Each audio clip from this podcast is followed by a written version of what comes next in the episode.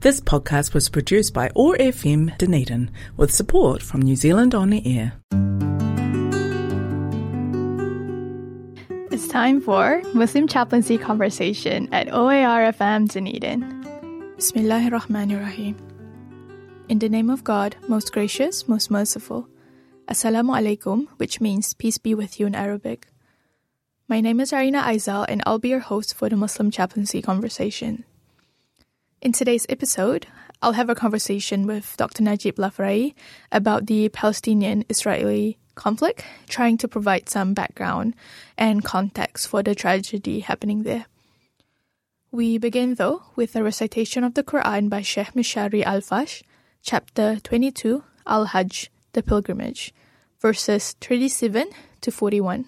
إن الله يدافع عن الذين آمنوا إن الله لا يحب كل خوان كفور أذن للذين يقاتلون بأنهم ظلموا وإن الله على نصرهم لقدير الذين أخرجوا من ديارهم بغير حق إلا أن يقولوا ربنا الله ولولا دفع الله الناس بعضهم ببعض لهدمت صوامع وبيع وصلوات ومساجد يذكر فيها اسم الله كثيرا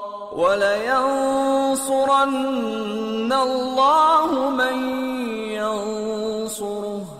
إن الله لقوي عزيز.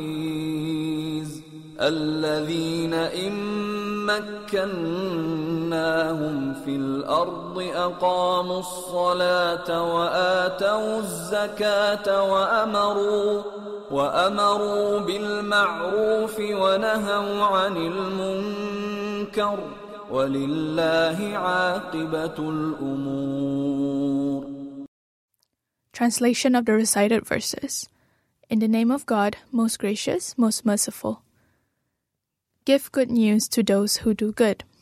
God will defend the believers. God does not love the unfaithful or the ungrateful. Those who have been attacked are permitted to take up arms because they have been wronged. God has the power to help them.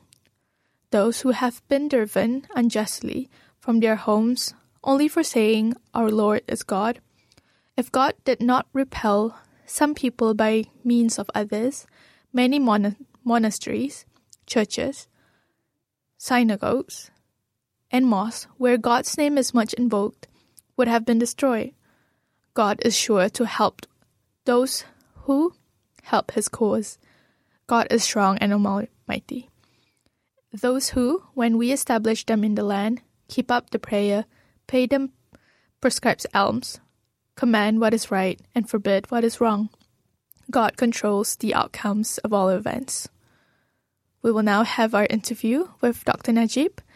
Um, so we asked some young Muslims to tell us about the conflicts, um, the questions they have about the Israeli and Palestinian conflict. Uh, that's important to discuss. Uh, so this conversation is bas- based on those questions. Um, the questions will include a few issues. Um, and although there are some common themes on the role of media and the role of other countries in the conflict, uh, we can categorize the questions into three groups. So we'll cover the background today, and um, in the next episodes, we'll talk about the role of the international community and what we can help and how we can support to a solution. Assalamualaikum, Dr. Najib. Walaikum assalam wa rahmatullah. Thank you for being here today and to share with us your um, knowledge about the Palestine and Israel conflict. Yes, it's a very complex issue, and I hope we can shed some light on its background and the complexities and provide some context on what is going on today. Firstly, I think it's important for us to talk about why Palestine is important for Muslims. Yes, uh, Palestine is very important for all the Muslims all over the world because of the location of Al Quds or Jerusalem in Palestine. And as you know, Al Quds is the first Qibla, the direction of prayer for the Muslims, because Prophet Muhammad, peace be upon him, he felt more affinity with Christians and Jews, and for them, Jerusalem was important. So when he started praying, he was facing towards Jerusalem, Al Quds. And later, he was instructed to face towards Kaaba. And it's also important because at the night journey, the Prophet, peace be upon him, um, uh, he was moved, taken from Mecca to Al-Aqsa, what the Quran calls Masjid Al-Aqsa, in uh, Jerusalem. And uh, um, Palestine was conquered by the Muslims from Byzantines during the um, uh, second caliph, righteous caliph Omar, and it was part of the Muslim territory, except for the Crusaders in the 10th, 11th century. For uh, the, the rest of the time, it was part of the Muslim rule until the um, uh, first decades of 20th century. So that is why all the Muslims are interested in uh, Palestine. And equally important because of Muslims' concern for their suffering brothers and sisters. As you know, the Holy Quran calls the, all the Muslims brothers. And the Prophet, peace be upon him, has said that the believers in their mutual kindness, compassion, and sympathy are just like one body. When one of the limbs suffers, the whole body responds to it with wakefulness and fever. So this is why they cannot remain uninterested from Palestine. But we should not forget that it's not only uh, Palestine or Jerusalem is not only important for the Muslims, for the but for the Jews and Christians as well, because Jews consider it their promised land, and uh, they had their kingdoms. We know about King David and Solomon. They had their kingdoms in that area. And the Christians, as uh, we know that uh, Jesus, peace be upon him, was born in Bethlehem. And then he moved to Jerusalem and preached over there. And uh, so it's a, a very holy place for all these three Abrahamic faiths. Mm, that's something that um, that's very important to mention that those the Abrahamic faiths Right. all value Palestine, the Right. land, mm, for the historical and cultural reasons. Um, would you say that the conflict in the region is religious or cultural? Because that's something people ask as well. Uh, if we look at the history, occasionally there might have been some problems among the Muslims and uh, Jews and Christians, but they were uh, exceptions rather than the rule. Overwhelming uh, history shows that uh, these three faiths lived in peaceful coexistence in uh, the area that is mm, Palestine and uh, part of it Israel now. And all these three, although uh, they mm, are different religions, but culturally they are very close to each other. So uh, mm, certainly culture is not part of the problem, and cer- certain religion is not at the heart of the problem. We'll talk later what is at the heart of the problem, but the religion is not. But it does not mean that this, the religion does not play any role. Uh, social scientists, they argue that when problems, conflicts start so, mm, over political and uh, economic issues, soon they take a picture of uh, religiosity to itself. Why? Because religion can be easily used for justification, and we see in this case uh, the uh, Zionists using um, the promised land as uh, an excuse, and also religion can play an important role for mobilization. And certainly that is the case with Islam, because Islam is against oppression, against injustice. So when people are suffering from those, Islam encouraging them to rise up and struggle against it.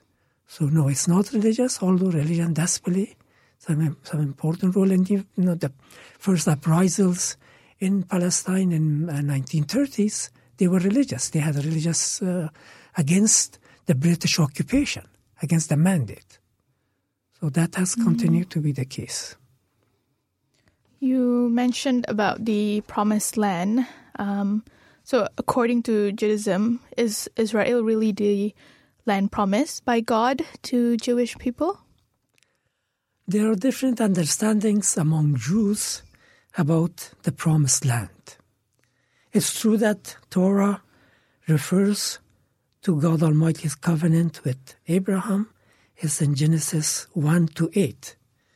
And especially Genesis 7 and 8 says, and I quote, mm, God saying, I will establish my covenant between me and you and your offspring after you throughout their generations, for an everlasting covenant to be God to you and to your offspring after, after you, and I will give to you and to your offspring after you the land where you are now an alien, all the land of Canaan for a perpetual holding, and I will be their God.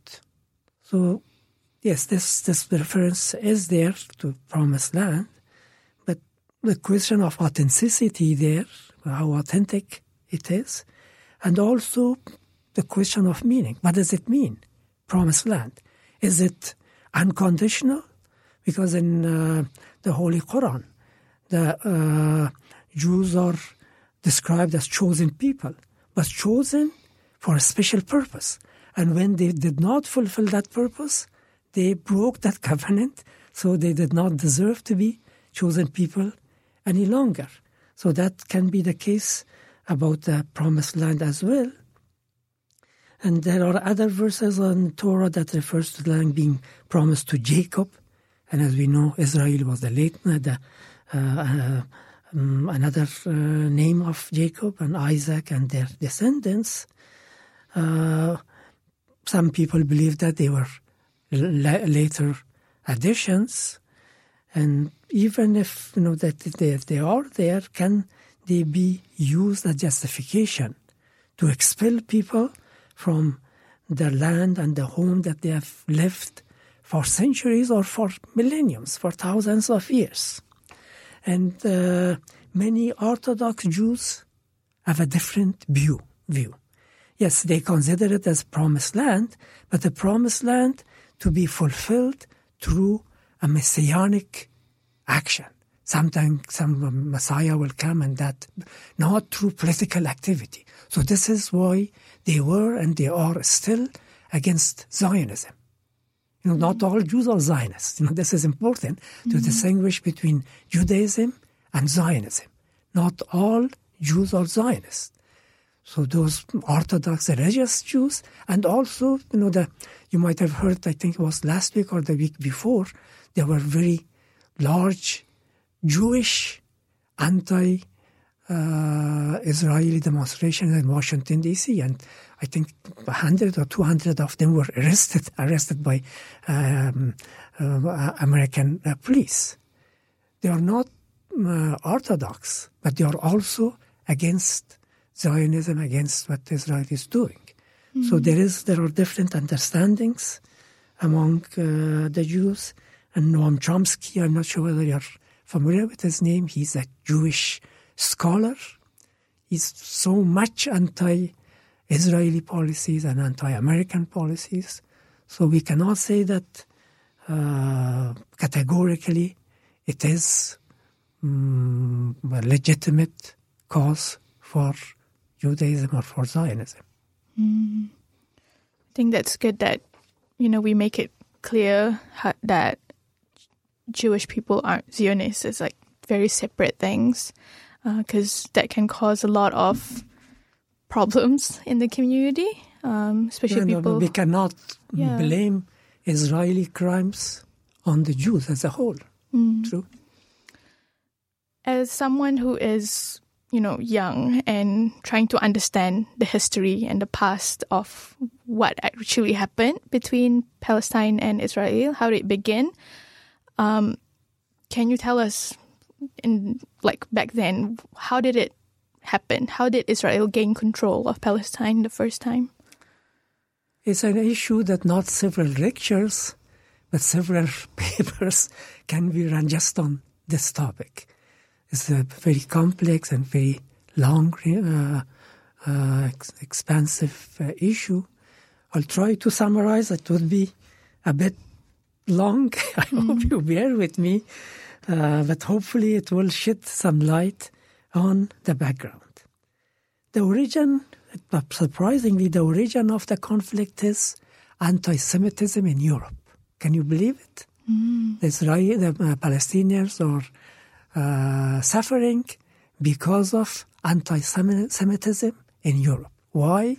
Because Jews, after they were expelled from Palestine, several uh, 1,500 or mm, no more than that, 2,500 years ago, and uh, then 2,000 years ago, they uh, moved to other different parts of the world, including Europe, and there mm, anti-Semitism was very ripe until the French Revolution.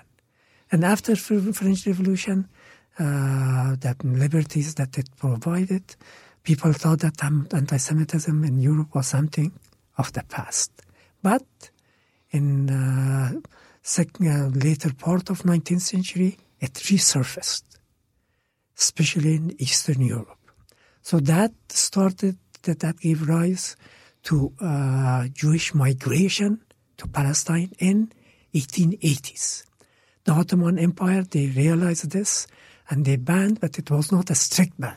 So despite the ban by the Ottoman Empire, the Jews started migrating to Palestine uh, in 1880s, but very small number.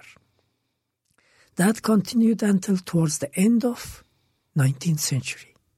And what happened towards the end of 19th century? In 1896, uh, the Zionist movement was born. Theodor Herzl, he had the Jewish, the idea of Jewish state. He raised the idea of Jewish state in 1896. He was an Austro-Hungarian Jewish journalist. And then the first World Zionist Organization conference happened in 1897. And originally they were thinking of any place, you know, in Africa or something. But then slowly they focused on Palestine, that uh, they will move over there. And from the very beginning, the Zionist movement had a colonial approach. You know what, the, the, what the, their slogan was? A land without people for a people without land. The second part of it was true that Jews, they considered themselves as uh, people without land. But was Palestine really a land without people? Mm. Hundreds of thousands of Palestinians were living there.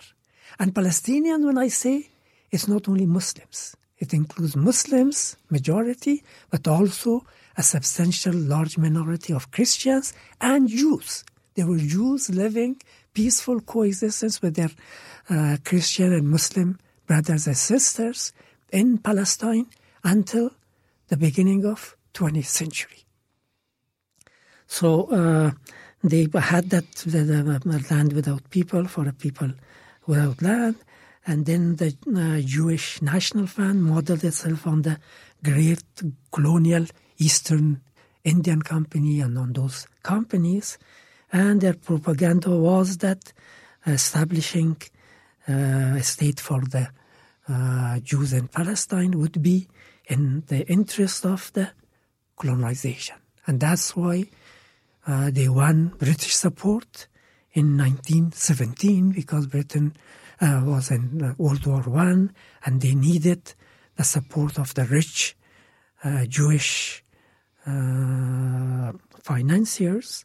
So um, Arthur Balfour, who was British foreign minister, he sent a letter. It's a very short letter to Lord Rothschild.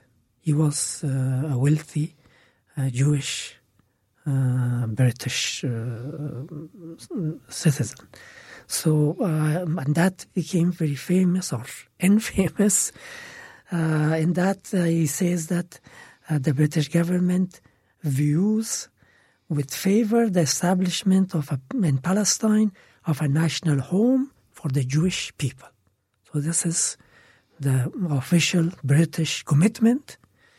But the other forgotten or ignored part of the uh, Balfour Declaration is that it continues to say, it being clearly understood that nothing shall be done which may prejudice the civil and religious rights of existing non Jewish communities in Palestine. And that was completely ignored by the British mandate itself. And now it's completely forgotten. So, uh, based on that, and since Palestine became part of the British mandate uh, after uh, 1920, uh, after World War One, from 1920 to 1948, the Jewish migration. First, it was just trickling in with the small numbers in uh, 1920s until early 1930s, and then, you know, if you um, imagine a smaller stream, it became a larger river, and then in 1930s and 40s it flooded. Why? Because of the Nazism, you know, that in Europe, so mm. and fascism, and that gave uh, an excuse because many Jews were not in favor of Zionism and moving to Palestine. But that gave the, a reason to focus on that and to move there. And uh, mm, the mm, Zionist movement, they established some paramilitary groups. It's interesting, we don't have time to go into details. The first acts of terrorism happened in uh, the region by this, these uh, Jewish Zionist paramilitary groups. And one of the first victims was a Jewish, Jewish resident, resident of the area. Mm. Because he had lived with his brothers, Muslims and Christians, so he did not, uh, he felt much closer to them than those who had come from hundreds and thousands of miles away.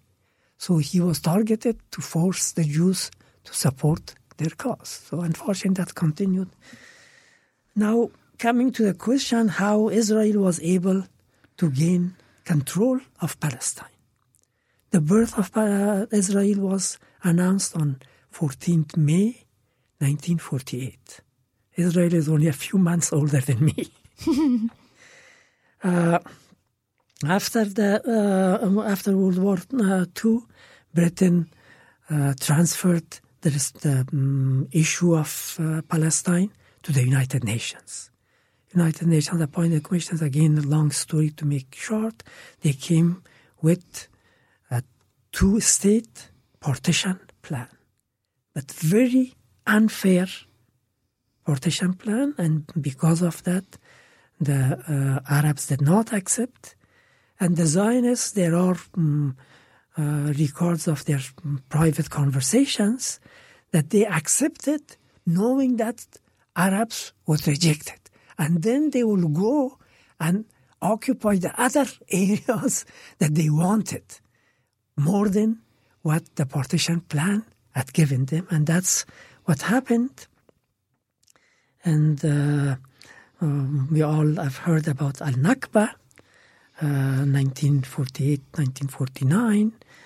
Uh, over 700,000 Palestinians were expelled from their land. 800 towns and villages were evacuated and forced out.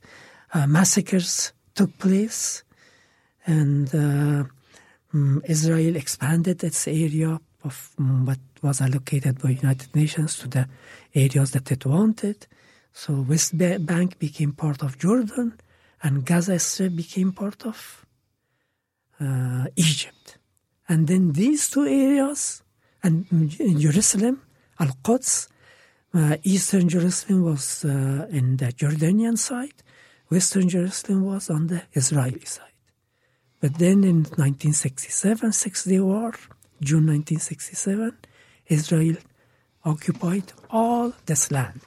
There was another uh, battle and another uh, war in 1973. Uh, Egypt was able to recapture some areas, but uh, mm, most of the area remained under Israeli uh, control and more Palestinian refugees as a result of 1967 war, more than 300,000. So this is shortly how Israel has been able to bring the area under its control. Yeah.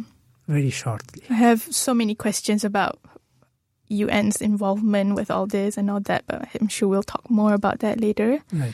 Um, now things have gotten worse. Um, so I think it's good for us to go through the international laws that Israel had broken, like long before October 7.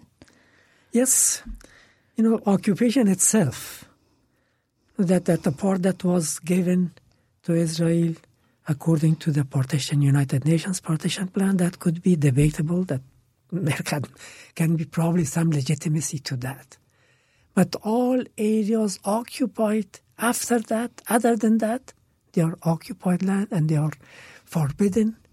No, according to international law, no country can bring any area under its control uh, occupied by force. So that is against uh, the uh, international law. Uh, Israel although the United States try to uh, veto any Security Council resolution that is slightly unfavorable to Israel. To the extent that you might have heard today's news that uh, there was a, a, proposal for ceasefire in uh, Gaza, and United States vetoed it. So that has been going on. But despite that, there were some resolutions that were, were passed in General Assembly and uh, a Security Council that, that um, uh, Israel has um, ignored completely. Uh, General Assembly in December 1948, it re-emphasized the need for internationalization of Jerusalem because according to partition plan, it should have been um, uh, international city. Al-Quds. That has been ignored. And it also called the right of the refugees for peaceful return to their home and for compensation for their losses. That is a General Assembly resolution in 1948. It has been completely ignored. And then Security Council, more than 25 Security Council, despite U.S. support and vetoing most of resolutions, the ones that were passed, uh, I think there are 26 or 27, to be exact the count, including Security Council Resolution 242, November 1967. And that resolution calls for withdrawal of Israeli armed forces from territories occupied in the recent conflict, which means Six Days War, June uh, 1967. And that has been completely ignored. So this is another violation. Jewish settlements in the occupied land. That is against uh, international law. Uh, Article 49 of the Fourth Geneva Convention. There are several hundred settlements in the West Bank and Golan Heights. There was one or two in Gaza until 2005, uh, but we'll mention that probably later. Uh, And many of these settlements are illegal even according to Israeli law. But they are still there. There are more than 500,000, probably now it's closer to seven, uh, 800,000 uh, settlers, and they have um, uh, the fertile, more fertile land. They have water sources. They have built uh, roads that connect them to Israeli cities and to each other, and which cuts through the uh, Palestinian areas. And that is why the two uh, state solution has become, become almost impossible today. So that's another uh, violation of international law. Construction of wall. You know, in, uh, in the 1990s, early 20, uh, um, Israel built a wall in West Bank, and that was taken to International Court of Justice, and it uh, ruled that it was against the international law, and Israel ignored it. And equally important, uh, violation of international humanitarian laws. There have been genocides, there have been ethnic cleansing, and not according to Palestinians. Ilan Pappé, he's a Jewish scholar, he calls it ethnic cleansing what uh, Israel has done. Massacres, starting from Deir Yassin 1948, uh, more than 100 people uh, Khan Yunis, 1956, several hundred people, Sabra and Shatila in September uh, 1982, thousand, several thousand of people, and these are just some examples. Home demolitions. When uh, some acts uh, happen, they start to uh, destroy the homes of innocent family members of those whom they accuse of being involved massive violation of human rights, illegal imprisonment, torture, assassination. You know, it takes again mm, hours to talk about these, and again, these are not only Palestinian or Arab or Muslim sources, but international observers and even Israeli human rights organizations. They have documented all this. And last but not least, collective punishment.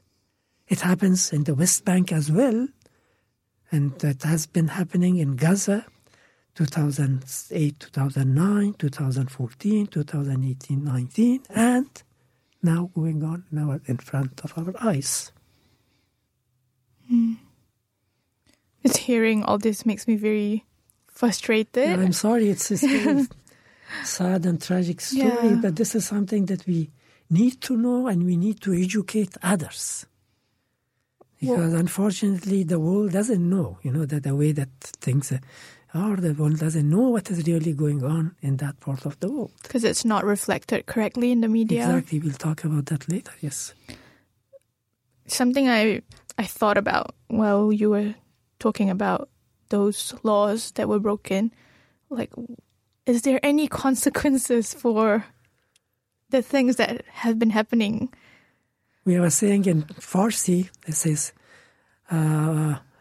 مربی داشته باش و مربا بخور. The rough translation would be, if you have a strong supporter, you are free and do whatever you want. You can get away. You get away whatever you want. And unfortunately, that has been uh, the case because the Zionists have focused on the guilty conscience of the Westerners the anti-Semitism of the past, and then what the Nazis did, mm-hmm. and uh, so that that is why um, the all you know the uh, Holocaust is always brought in front of our eyes. Why? To, to have that guilty conscience. So that has given them given them uh, impunity to what they do whatever they want, and that, that everyone turns a blind eye to it. That's so sad because there's so many things going on right now, and that doesn't change everything. Um, so now I think I'd like to know about Gaza, specifically Gaza. Um, why is Gaza blocked off from the world? And why specifically Gaza, um, Israel has them under their wings? Yeah, Gaza is a very small area. It's a strip. It's called usually Gaza, called Gaza Strip. It's part of the historical Palestine, together with what is called Israel today, and the West Bank. And uh, it is on the eastern Mediterranean Sea, surrounded by the sea and by Israel, and it has about 10, 11 kilometers of border with Egypt. The total area of Gaza is 365 square meter. Do you know how much the area of the Dunedin is? No. Oh. I don't know either. I had to search. It is 3,314 square kilometer. Dunedin, one city, rather small city in southern tip of southern island of New Zealand, has an area of 3,000 3,314 uh, uh, square meter. Compare that to 365 square kilometer of Gaza. In this, Dunedin, uh, what is the population? I think 120,000, and the, the last time that I remember, was 30,000 or so. And do you know how many people live in that small area? More than 2 million, close to 2.5 million people. It is called the largest concentration camp in the world because it has one of the highest uh, population density in the world.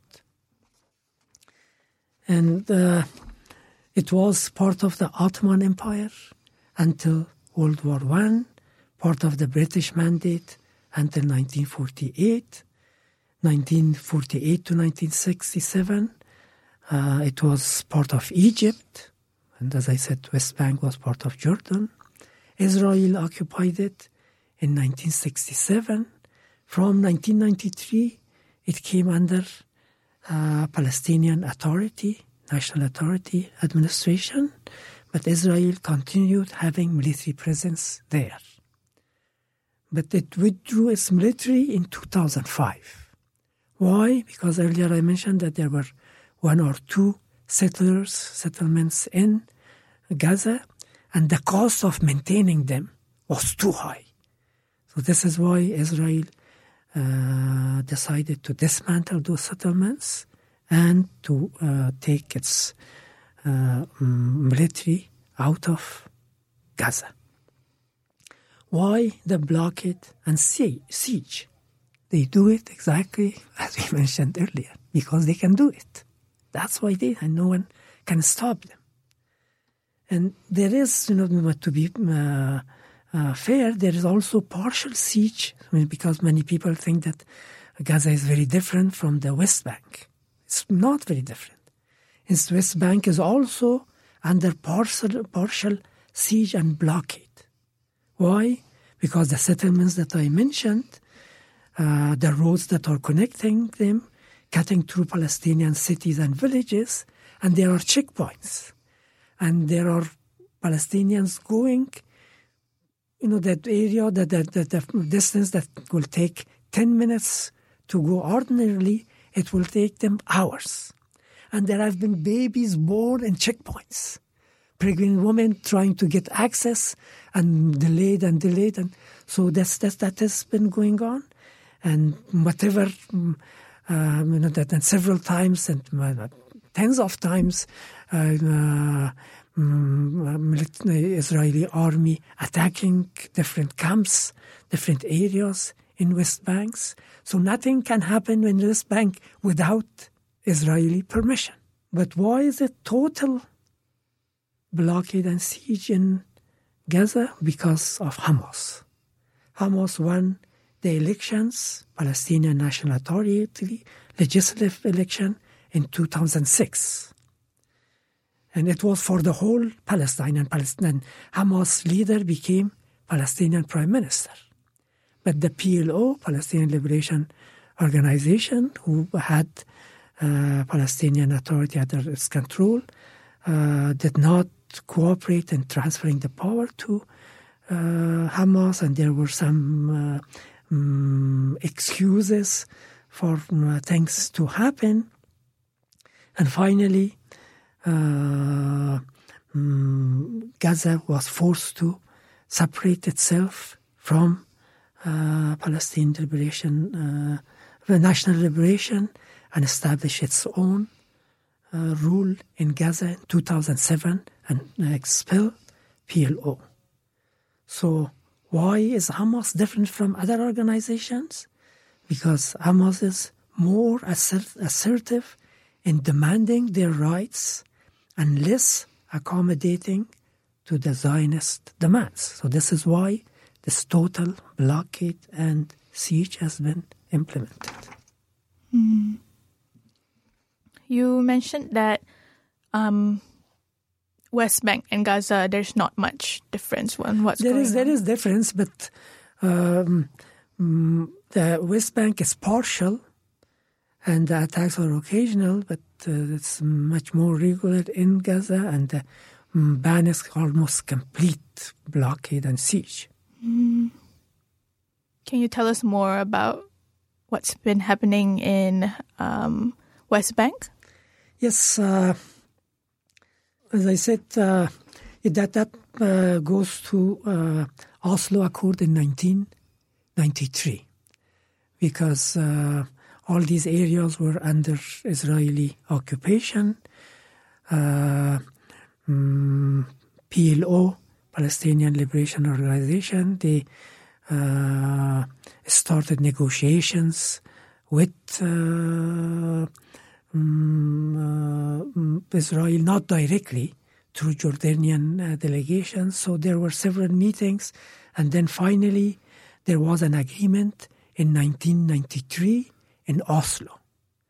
And that provided for transitional arrangement, mutual recognition, that uh, PLO recognized uh, Israel, uh, withdrawal of Israel from parts of Gaza Strip and West Bank, establishment of Palestinian Authority for self-governing in those areas, and then they divided the areas into area A and B and C, that uh, area A, A was uh, um, some part, some some was under complete Israeli control, some was under half control, and some was and some part were under uh, Palestinian National Authority.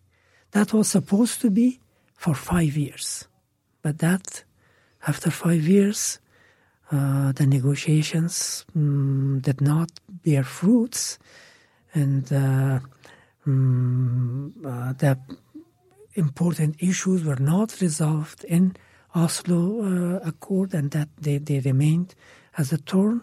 So this is how the uh, um, Palestinian PLO has been in power in the West Bank, and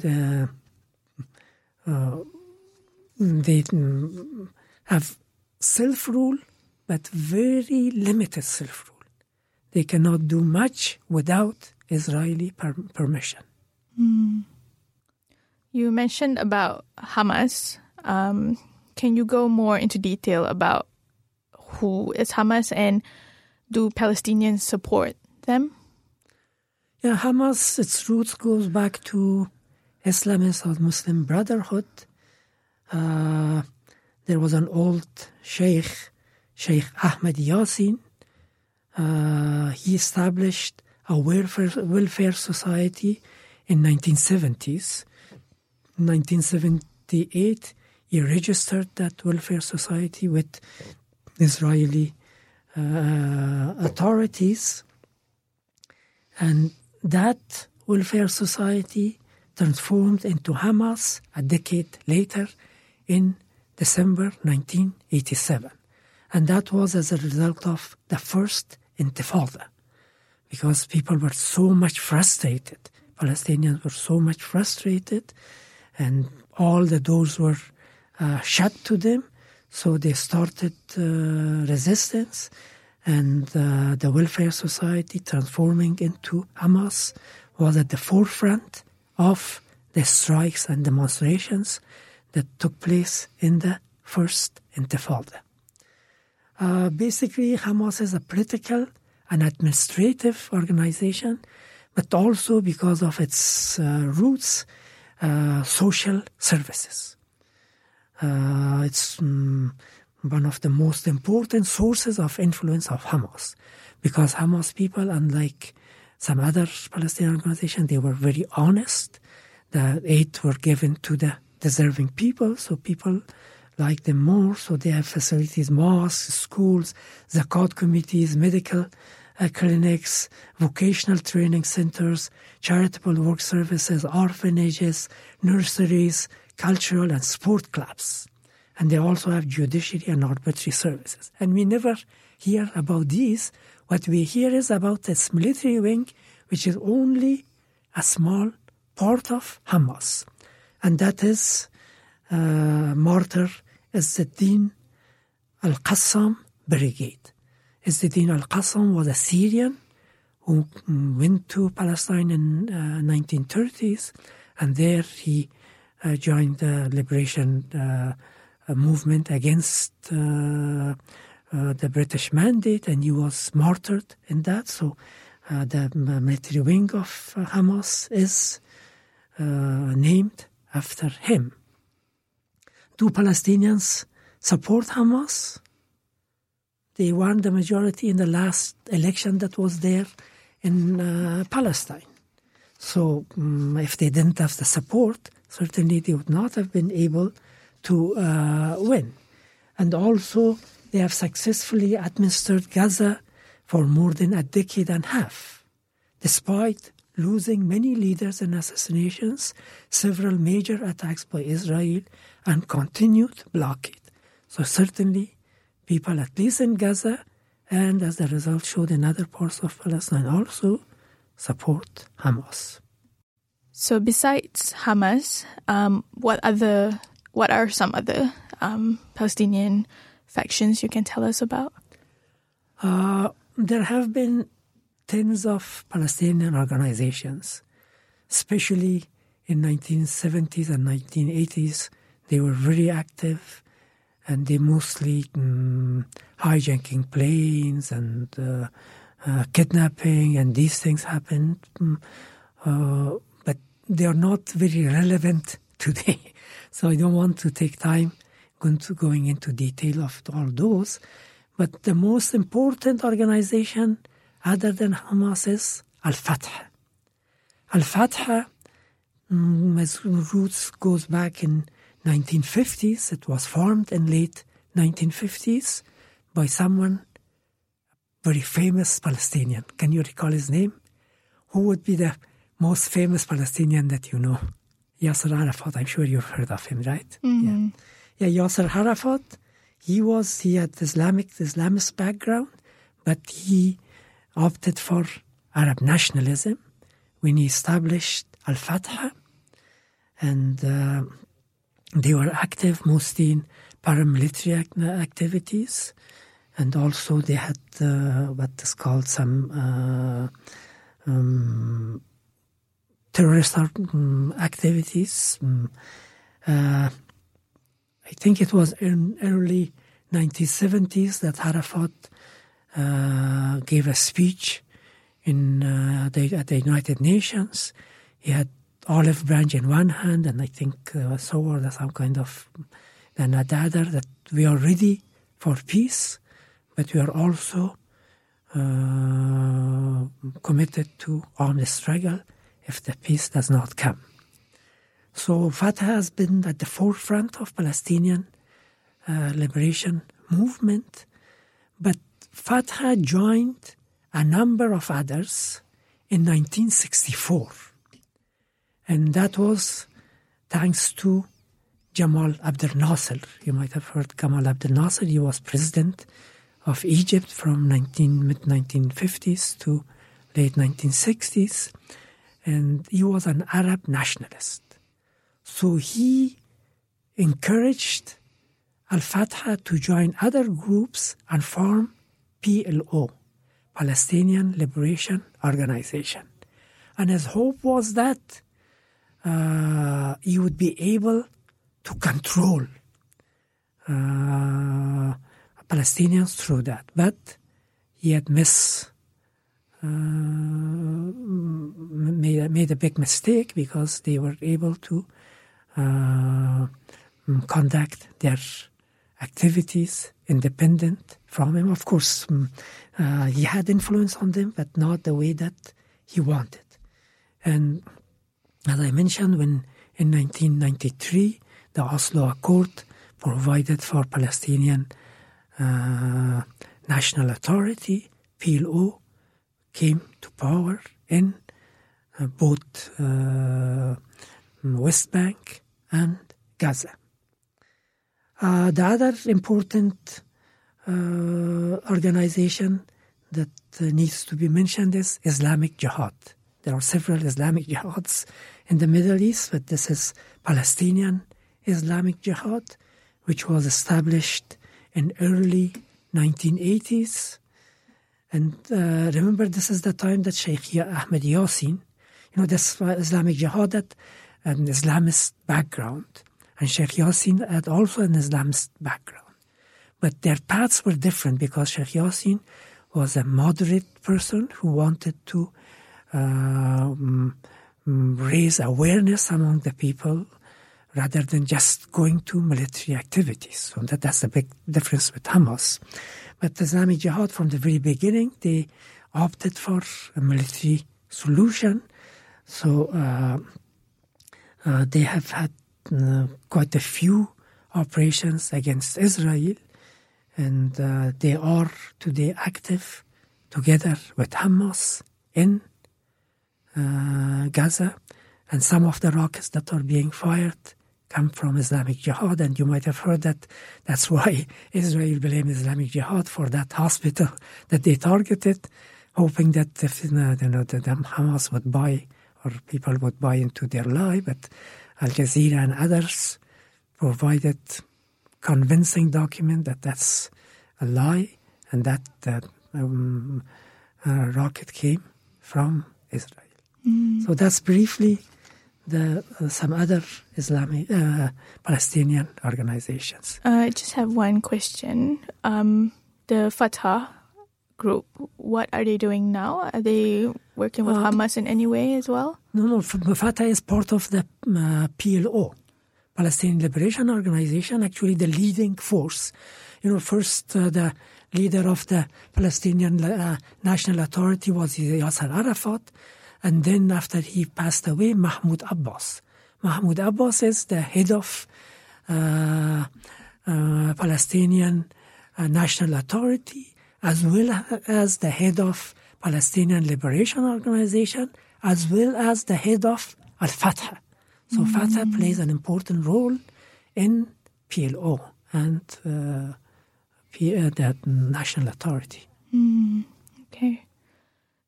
Thank you so much, Dr. Najib, for covering the background. And I'm sure there's a lot more questions we can cover um, in the next episodes. Okay, I hope uh, it proves useful to the listeners. Thank you.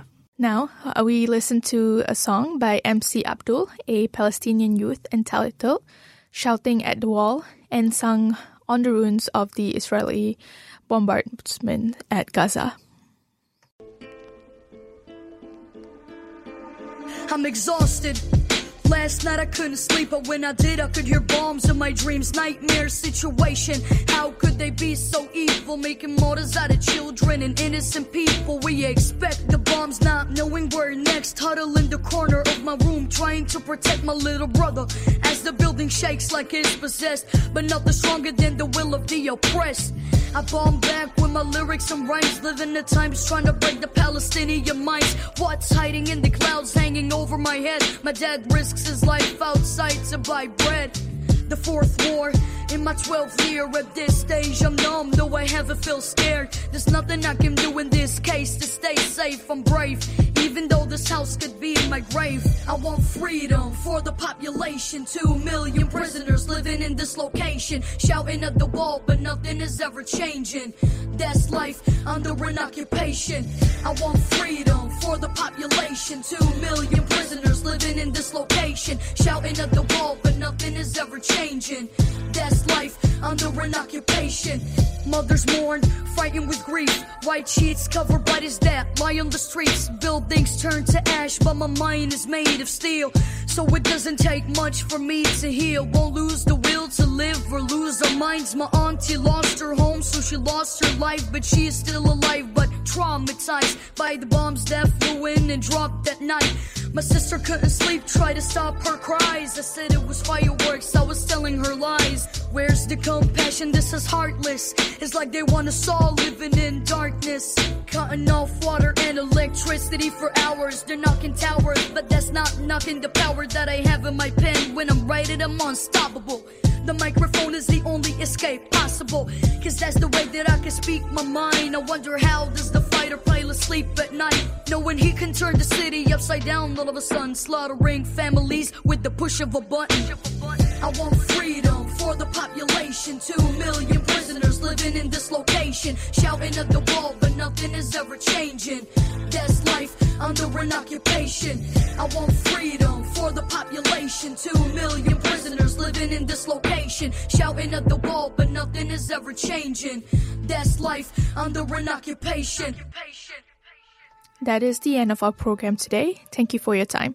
Special thank you to OARFM for facilitating the production of this program. I should add that the views expressed in this podcast do not necessarily represent the views of Otago Muslim Chaplaincy as such. If you have any questions, please email muslimchaplaincy at otago.ac.nz. We hope to see you next time, inshallah, God willing. Assalamu alaikum. You've been listening to Muslim Chaplaincy Conversation at OARFM Dunedin.